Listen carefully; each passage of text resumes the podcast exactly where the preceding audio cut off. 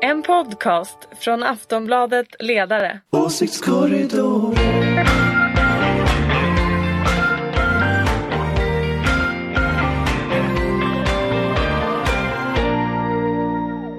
Hej och välkomna till Åsiktskorridoren, podden från Aftonbladets ledarredaktion där vi pratar om det som händer i den svenska politiken. Sommaren är på väg, stundtals råder värmebölja eh, och det här är faktiskt vårens sista podd.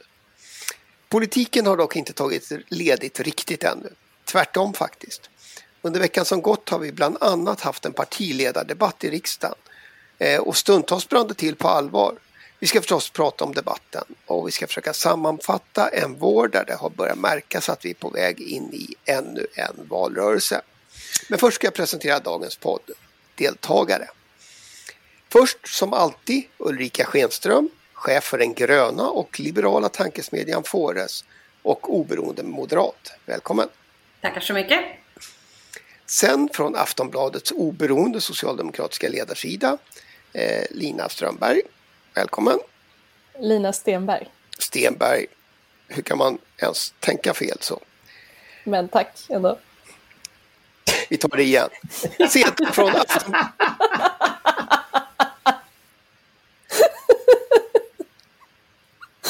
får ni inte hålla på och skratta här. Då kommer vi inte att komma någonstans. Sedan från Aftonbladets oberoende socialdemokratiska ledarsida. Eh, Lina Stenberg, välkommen. Tack så mycket. Och sist men inte minst Anders Lindberg, politisk chefredaktör på Aftonbladet. Eh, och då också socialdemokrat. Välkommen! Tack, tack. Ja. Själv heter jag ju Ingvar Persson och arbetar i vanliga fall på Aftonbladets ledarsida. Idag är det mitt uppdrag att försöka leda den här podden och vi kör igång direkt. Jag tänkte att vi skulle börja med riksdagsdebatten i förra veckan. En uppgörelse mellan hopp och fruktan har du skrivit Anders. Eh, du beskriver också debatten som upptakten till den kommande valrörelsen. Hur menar du då? Nej, men det, det jag menar är ju just att Eh, man kan ju ha många olika valstrategier och olika tekniker för att eh, liksom lägga upp bollen för vilka frågor som kommer att diskuteras i valet. Och då är det ju i regel så att det är viktigare vilka frågor som diskuteras än vad som egentligen sägs. Och då är det väldigt tydligt nu att eh, Jimmy Jimmie Åkesson sa ju det rakt ut också att nu måste vi tillbaka till alla frågor som diskuterades innan pandemin. Och med det syftar han ju på brottslighet och invandring. Och, och det är klart att vad de nu försöker bygga upp de här fyra högerkonservativa partierna det är ju en valrörelse som handlar om eh, det som då brukar kallas för rädslans strategi. Alltså att, att man vill skrämma människor eh, och man vill skapa en bild av att Sverige håller på att gå under och att enda räddningen för detta är då att byta regering. Och den där strategin den har högerpartier använt ganska framgångsrikt runt om i Europa och i USA eh, genom historien. Så det är liksom ingen ny idé. Men, men man brukar säga just det att det, valrörelser är en kamp mellan hopp och rädsla. Eh, och, och, just nu så tycker jag det är väldigt tydligt att det här kommer att bli rädslans strategi från höger. Det var också väldigt roligt att lyssna på de rödgröna och Annie Lööf för de lät ju liksom som motsatsen. Det var liksom vinden i håret som blåste och sommaren som kom. Och, eh, alltså det, det var liksom oerhört positivt. Så det var nästan som en parodi när man la de här två liksom uppläggen bredvid varandra. Eh, så det var det jag liksom syftar på. Och jag tror att, att den eh, jag tror den inleds nu. Men den kommer liksom att bli värre under hösten. Den kommer bli ännu hårdare. Så vi har liksom bara sett början på den här typen av strategier.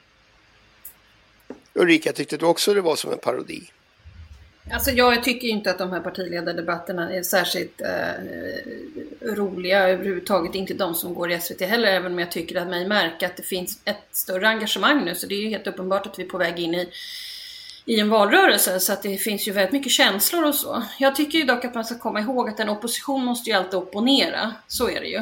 Men jag brukar ju alltid, och det har ni hört mig säga i många år nu, att om man ska opponera och, och komma med, med eh, med, med liksom berättelser om, om att saker och ting går åt fel håll, då måste man samtidigt också komma med lösningen.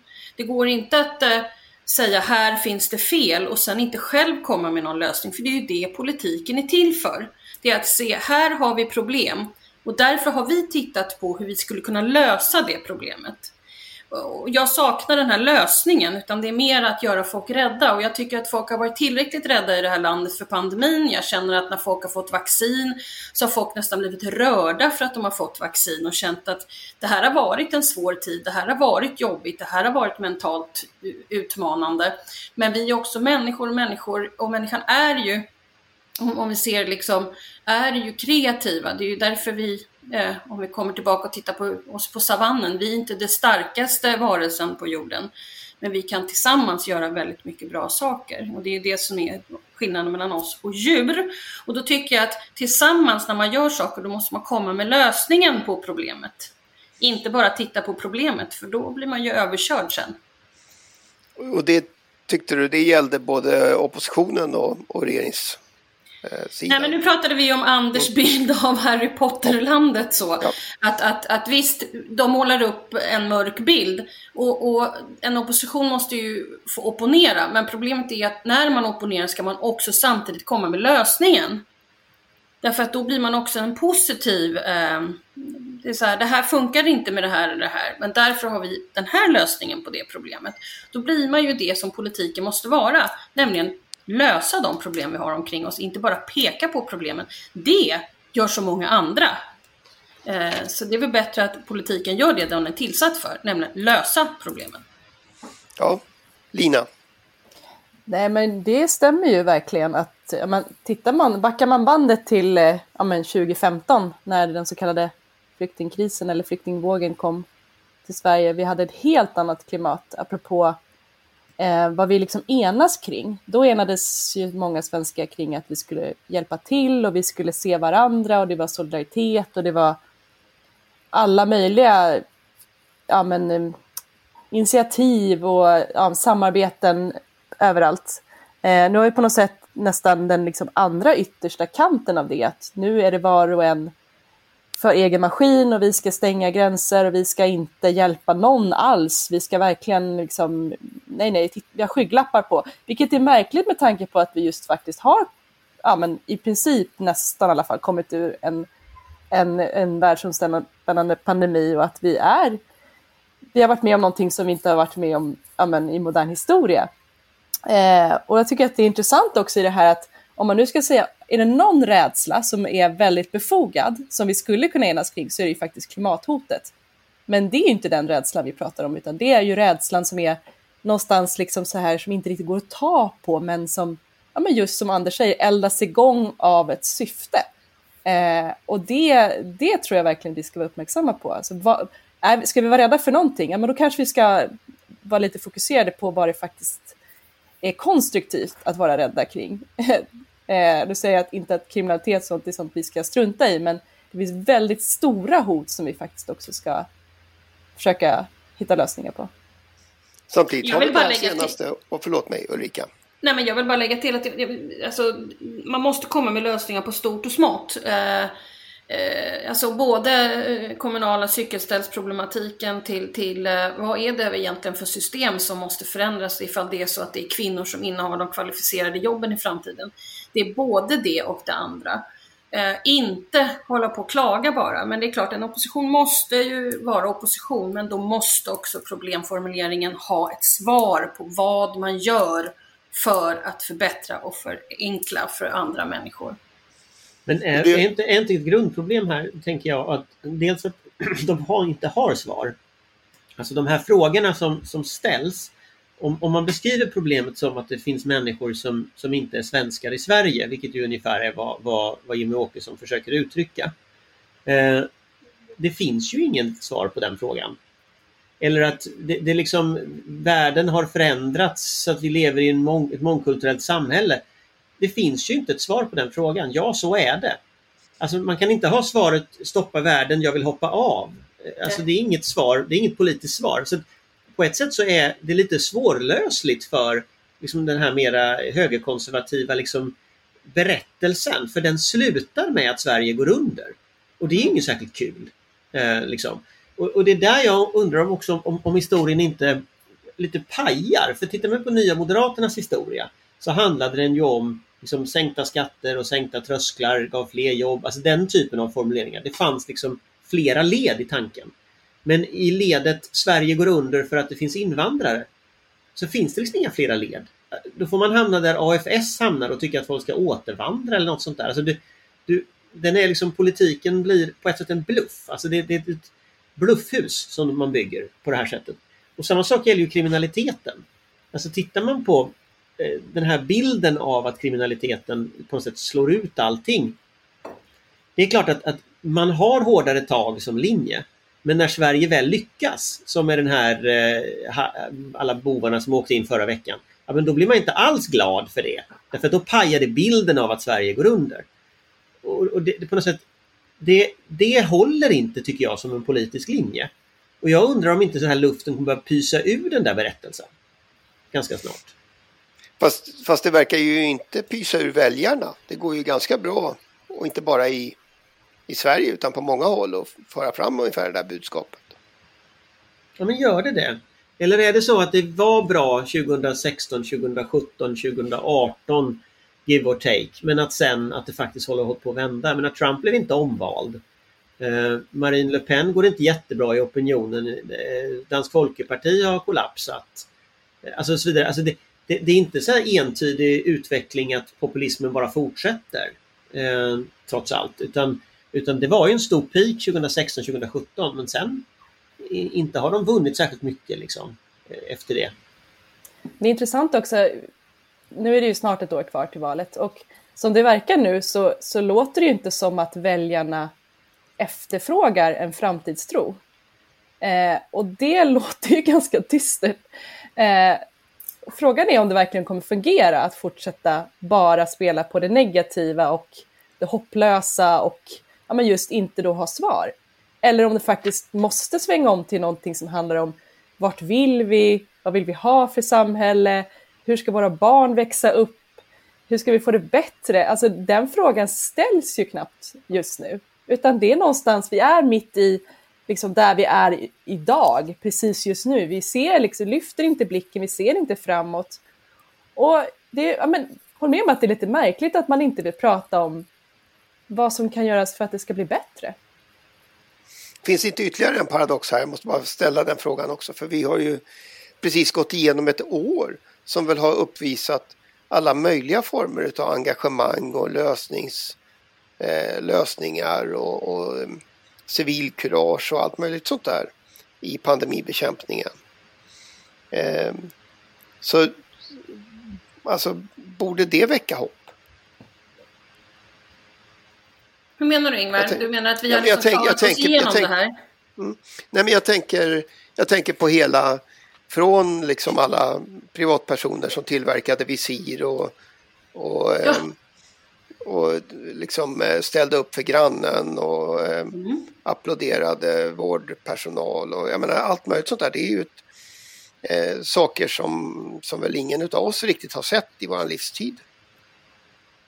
Ja men så är det ju och det är, därför jag, det är därför jag tror att vi kommer att komma ut ur den här efter den här sommaren och folk har sen börjat i augusti fått sin andra shot och, och, och så vidare och att saker och ting börjar så sakteliga gå tillbaka och att vi har klarat det här så tror jag att man är ganska tacksam och ser ganska tacksamt på framtiden och att vi har varit också som människor i en, i en jobbig situation, i en situation att vi har tagit hand om varandra och också varit väldigt kreativa.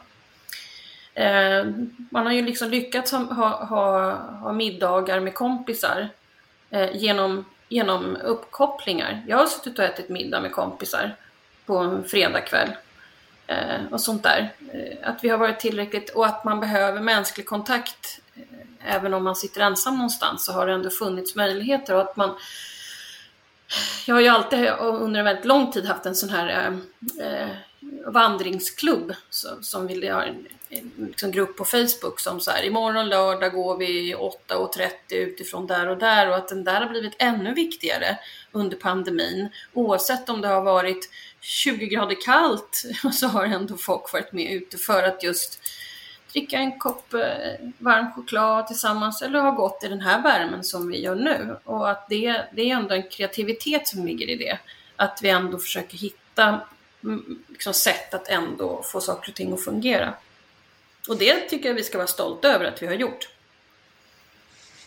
Men, men där tänker jag också, där tänker jag just, alltså, just på grund av den upplevelsen så tänker jag att eh, det, dels är det ju det här, på något sätt, det här starka samhället som Löfven pratar om hela tiden. Alltså det, det är ju inte den starka staten. Och det där tycker jag är något intressant ändå i, i vår liksom, ändå en utveckling av samhället. Att kan man mer ha eh, alltså samarbete, näringsliv, stat, man kan ha civilsamhället kan ha en större roll än vad det haft tidigare. Samtidigt som staten måste komma tillbaka i form av, eller staten, men det offentliga i form av fungerande äldreomsorg, fungerande sjukvård, Mm. det här totalförsvaret överlag som har varit helt nedrustat. Nu märk, nu, alltså allting det kommer ju tillbaka samtidigt och då kommer ju nästan politiken in i någon sån här uppbyggnadsfas. Mm. Och det känns ju inte som att man ser ett jota av i debatten. Eh, Men det är ju det vi rent konkret kommer att behöva dra igång i höst. Alltså vad gör man post pandemin? Ja, det är ju det. Man bygger ju upp Sverige igen. Eh, och, och det, det blir som en, en partiledardebatt som är helt utan idéer. blir ju helt paradoxal givet, givet det som jag tror väldigt, väldigt många människor pratar om nu. Alltså eh, diskuterar och sådär. Eh, och det är kul att se vart det tar vägen alltså till hösten. Eh, för jag undrar om inte folk bara kommer att tröttna. Eh, lite som, lite som alltså Ja, men det var ju det jag sa, att när folk har fått sina sprutor och de känner att de kan liksom börja leva och inte vara panikslagna när de eh, går på ICA och sådär. Jag tror att eh, jag tror att det är, eh, folk kommer att ha en, en, en, en lyckligare attityd i höst än jag tror att de har haft på kanske då nästan snart två år. Bara det inte blir att man eh, liksom sätter på skygglapparna igen och eh, kör hårt. Alltså vi måste ju verkligen lära oss av det vi har fått tillfälle att lära oss nu av pandemin. Och det, där krävs det ju verkligen att, att det är någon som tar tag i det. Alla de här äh, utvärderingarna som ska göras, det måste ju leda till någonting konkret. Eh, och det vore ju, alltså om inte det är med i valrörelsen är det ju också ett misslyckande, skulle jag säga.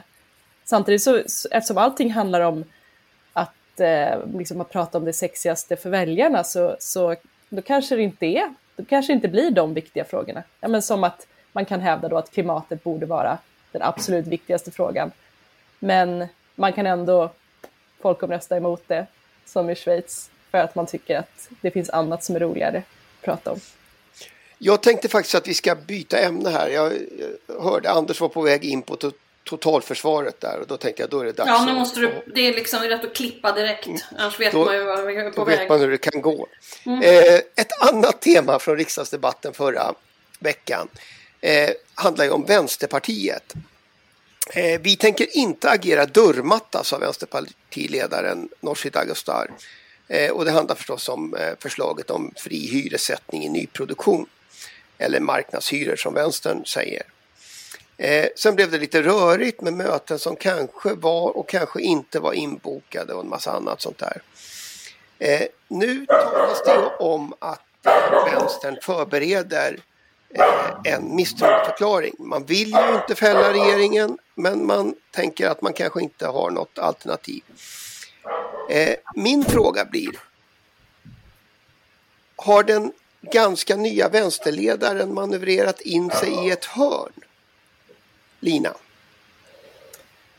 Åh, nej jag tror inte det. Alltså, jag tycker att hon har gjort det här delvis ganska smart. Alltså att hon har tagit på sig en ganska st- stor kostym när hon klev in här som partiledare och, och vill agera som att hon eh, har större stöd än vad hon har, vilket många andra partiledare också gör just nu. Och det här blir liksom hennes move.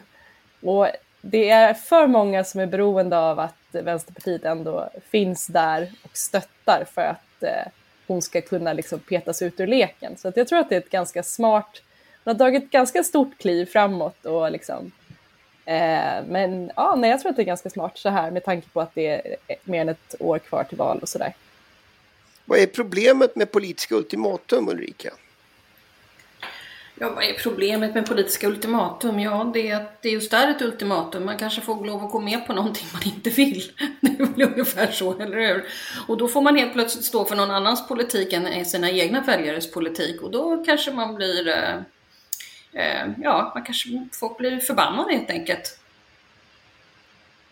Om man inte verkställer ultimatumet. Ja, å andra sidan om man inte verkställer eh, ultimatumet då, då har man kanske ingen samarbetspartner. Och har man ingen samarbetspartner så kanske man inte har någon regering. Men samtidigt blir ens väljare skitförbannade. Så att ja, det är ju, det är ju pest eller kolera hela tiden. Men som vi har konstaterat så många gånger i den här podden så handlar ju inte detta bara om detta utan det handlar om någonting större och då kanske många ändå har eh, förståelse för att man, man, eh, man köper ett visst läge. Anders? Ja, alltså det finns ju en sån paradox. Det brukar kallas för Tjechovs pistol eller Tjechovs gevär. Eh, efter den ryske dramatikern. Att Tjechovs pistol är att om det ligger en pistol i, i eh, första akten på bordet så, eh, så måste den ha avfyrats i tredje akten. Därför att annars kan man inte ha med den. Man ska liksom, det är egentligen att man ska inte ha med saker i historien som inte har så att säga någon funktion i historien. Eh, egentligen den. Och här ser vi ett typexempel på det. Att det är ju egentligen Jonas Sjöstedt som har målat in Nooshi Dadgostar i det eventuella hörnet som hon eventuellt befinner sig i. Eh, genom de här så kallade misstroendelöftena som man ställde ut. Eh, man kommer ju antingen att tvingas verkställa dem eller så kommer man att få vänta ut regeringen. Eh, och se att regeringen reder ut den här frågan. För regeringen vill ju inte heller ha några marknadshyror. Och det här utredarförslaget är ju eh, eh, återigen en dåligt genomförd utredning som gick utanför ramarna precis som LAS-utredningen. Så att regeringen har ju ett manöverutrymme på grund av det om den vill. Så antingen får Vänsterpartiet då lita på det och i så fall kan de bli blåsta med att regeringen lägger det här som på riksdagens bord i våren nästa år och då är det för sent att ha ett misstroende. Eller så får de liksom misstroendeförklara på basis av ett utredningsförslag som inte har varit i, som inte ens varit på remissbehandlat.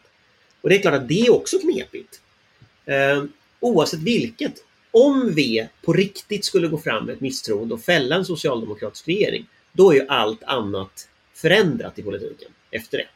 Det är ju en oerhörd eh, signal att göra det. Och det är klart att, att V i det läget skulle få svara i ett, antingen ett extra val eller nästa ordinarie val för det.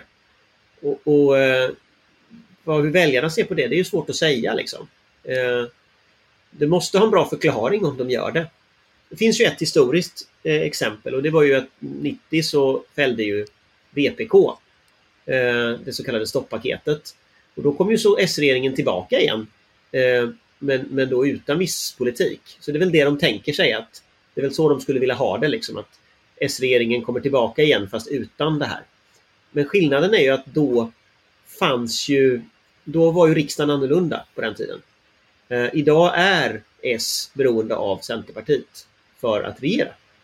Så att det går inte att återupprepa det som Lars Werner var det ju på den tiden gjorde då. Så att, så att eh, jag, jag har svårt att se hur de ska trassla sig ur det på ett sätt, på något rimligt sätt. Om inte regeringen klarar det. Enda chansen är att det blir som med LAS, att regeringen alltså klarar av att reda ut frågan, få bort marknadshyror, eh, i alla fall de värsta excesserna, och att det blir någon kompromiss. Liksom. Det är väl den enda tänkbara lösningen för folk. Men tiden rinner ut? Nej, men Löfven räddade ju faktiskt ut det med LAS. Han gjorde faktiskt det. Om man jämför med de förslag som har legat på bordet. Och med att du har 60% borgare i riksdagen. Liksom. Så han lyckades ju ändå hantera situationen mot den bakgrunden. Eh, det här är ju lite samma läge. Det finns ju fortfarande 60% borgare i riksdagen även om SD i det här fallet säger att de inte är för marknadshyror, vilket jag tror att de ljuger ju naturligtvis. Eh, de skulle kompromissa bort det innan frukostkaffet liksom. Eh, men det är, ja, det är svårt för det. Kan vi ta det som en eh, övergång till den sista frågan som jag tänkte vi skulle hinna med. Den näst sista egentligen, men eh, innan vi eh, rundar av den här eh, ja, terminen. Eh, en, och det var, är just en annan av januariavtalets långkörare, LAS. Eh, det kom ju också till någon sorts avslut i förra veckan när Eva Nordmark kunde presentera konkreta förslag som bland annat innebär en satsning på 11 miljarder på omställning och utökade möjligheter till vuxenutbildning. Socialdemokraterna de eh, var ju själaglada och talade om den största trygghetsreformen i modern tid. Så frågan blir, har Stefan Löfven och Eva Nordmark vänt LAS-frågan från ett sänke till en valvinnare? Ulrika? Det är svårt att säga än tycker jag. Men eh, de har ju eh, hållit ihop januariavtalet genom att, jag menar, jag tror alla känner sig som vinnare. Är det inte så? Eller förlorare. Inte halva, halva, halva LO. Men, men, men eh, jag tror att det är svårt. Jag tror att den där kommer att komma upp igen. Det gör den alltid. Eh, men just nu så är det väl alla känner sig sitta still i båten. Alla, alltså facket, Centerpartiet eh, och sossarna. Så att det verkar väl vara ganska så, antingen har som sagt som Lina, alltså alla förlorat eller alla vunnit. Men jag tror att den kommer tillbaka. Jag tror det. Men en vuxenutbildningsreform på 11 miljarder, det måste ändå vara det största som görs under mandatperioden om vi bortser från eh, coronaprojektet. Absolut. Alltså det är ju bra med en vuxenutbildningsreform.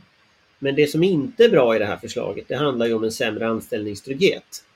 Och det är klart att det är ju fortfarande lika dåligt som det var innan. Politiskt är ju frågan utredd i den meningen att jag tror det blir svårt att komma dragandes med något i den här frågan igen. Svenskt Näringsliv kommer inte heller vara så pigga på det. Nu liksom får lagt kort ligga här tror jag. Men, men det är klart att sämre anställningstrygghet, eh, undantag i LAS och så vidare, det är dåligt. Och det är också dåligt att inte kunna pröva uppsägningar och få tillbaka jobbet ifall det är så att det är helt felaktiga grunder som uppsägningarna skett på. Så dels skapar du en rättslöshet med det här systemet och dels så ökar du ju den anställdes utsatthet. Alltså de argumenten finns ju kvar, det får vi inte glömma. Så jag är absolut, vuxenutbildning är jättebra men, men problemen med reformen är ju fortfarande där. Även om de är liksom nedskalade i mängd, tycker jag. jag, jag, jag men jag menar, det här var ju det som gick att göra. Det är, liksom, det är ju där på något sätt. Och det här med att sossarna säljer det här som en jättefantastisk trygghetsreform, det är ju det är kanske inte helt falsk marknadsföring men det är i alla fall delar av det som skulle bli underkända om det skulle användas som, som reklam. Så. För, för så jävla enkelt är det inte.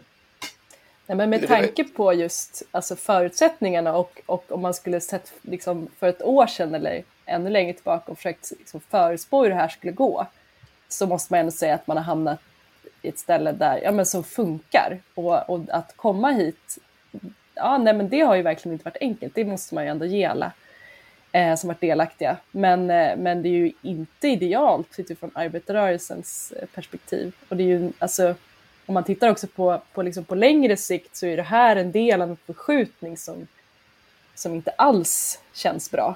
Eh, det får man inte heller glömma. Ja, så det återstår att se.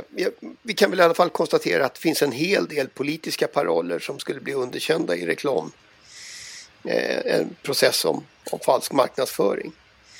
Eh, så det kanske inte det här är det enda. Nej, det är nog inte enda, men, men, men, men det, det är naturligtvis lite magstarkt när alla vet att halva LO är jättearga.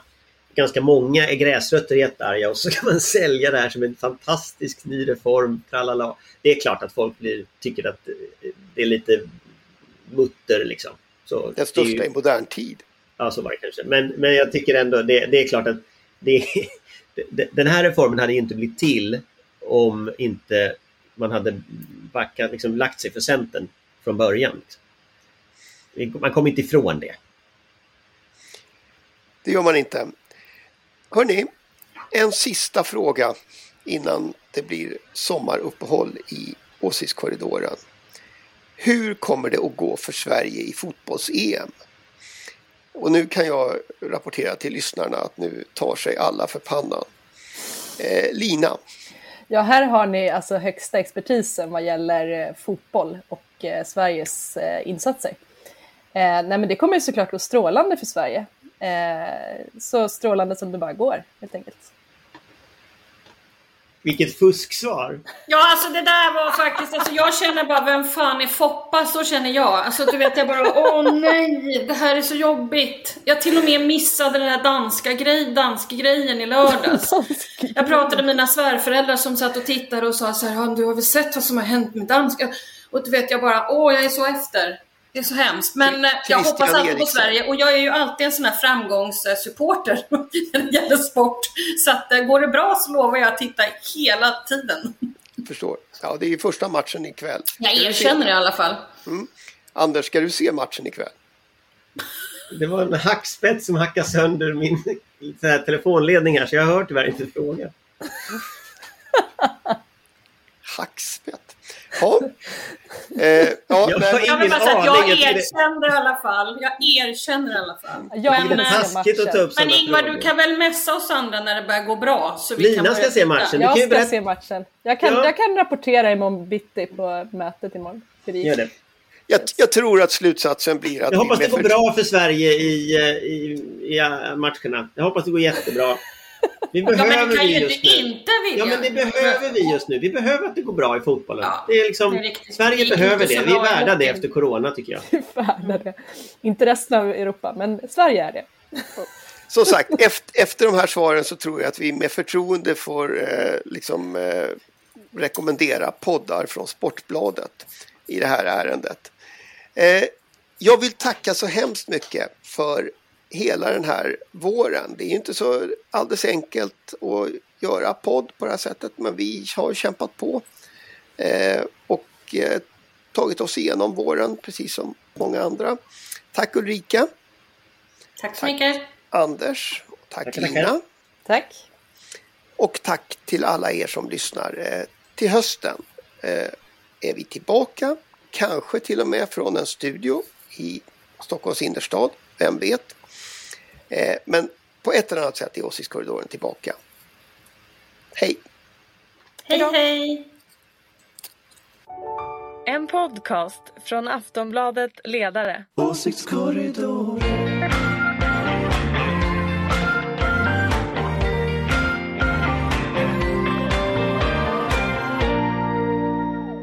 Du har lyssnat på en podcast från Aftonbladet. Ansvarig utgivare är Lena K Samuelsson.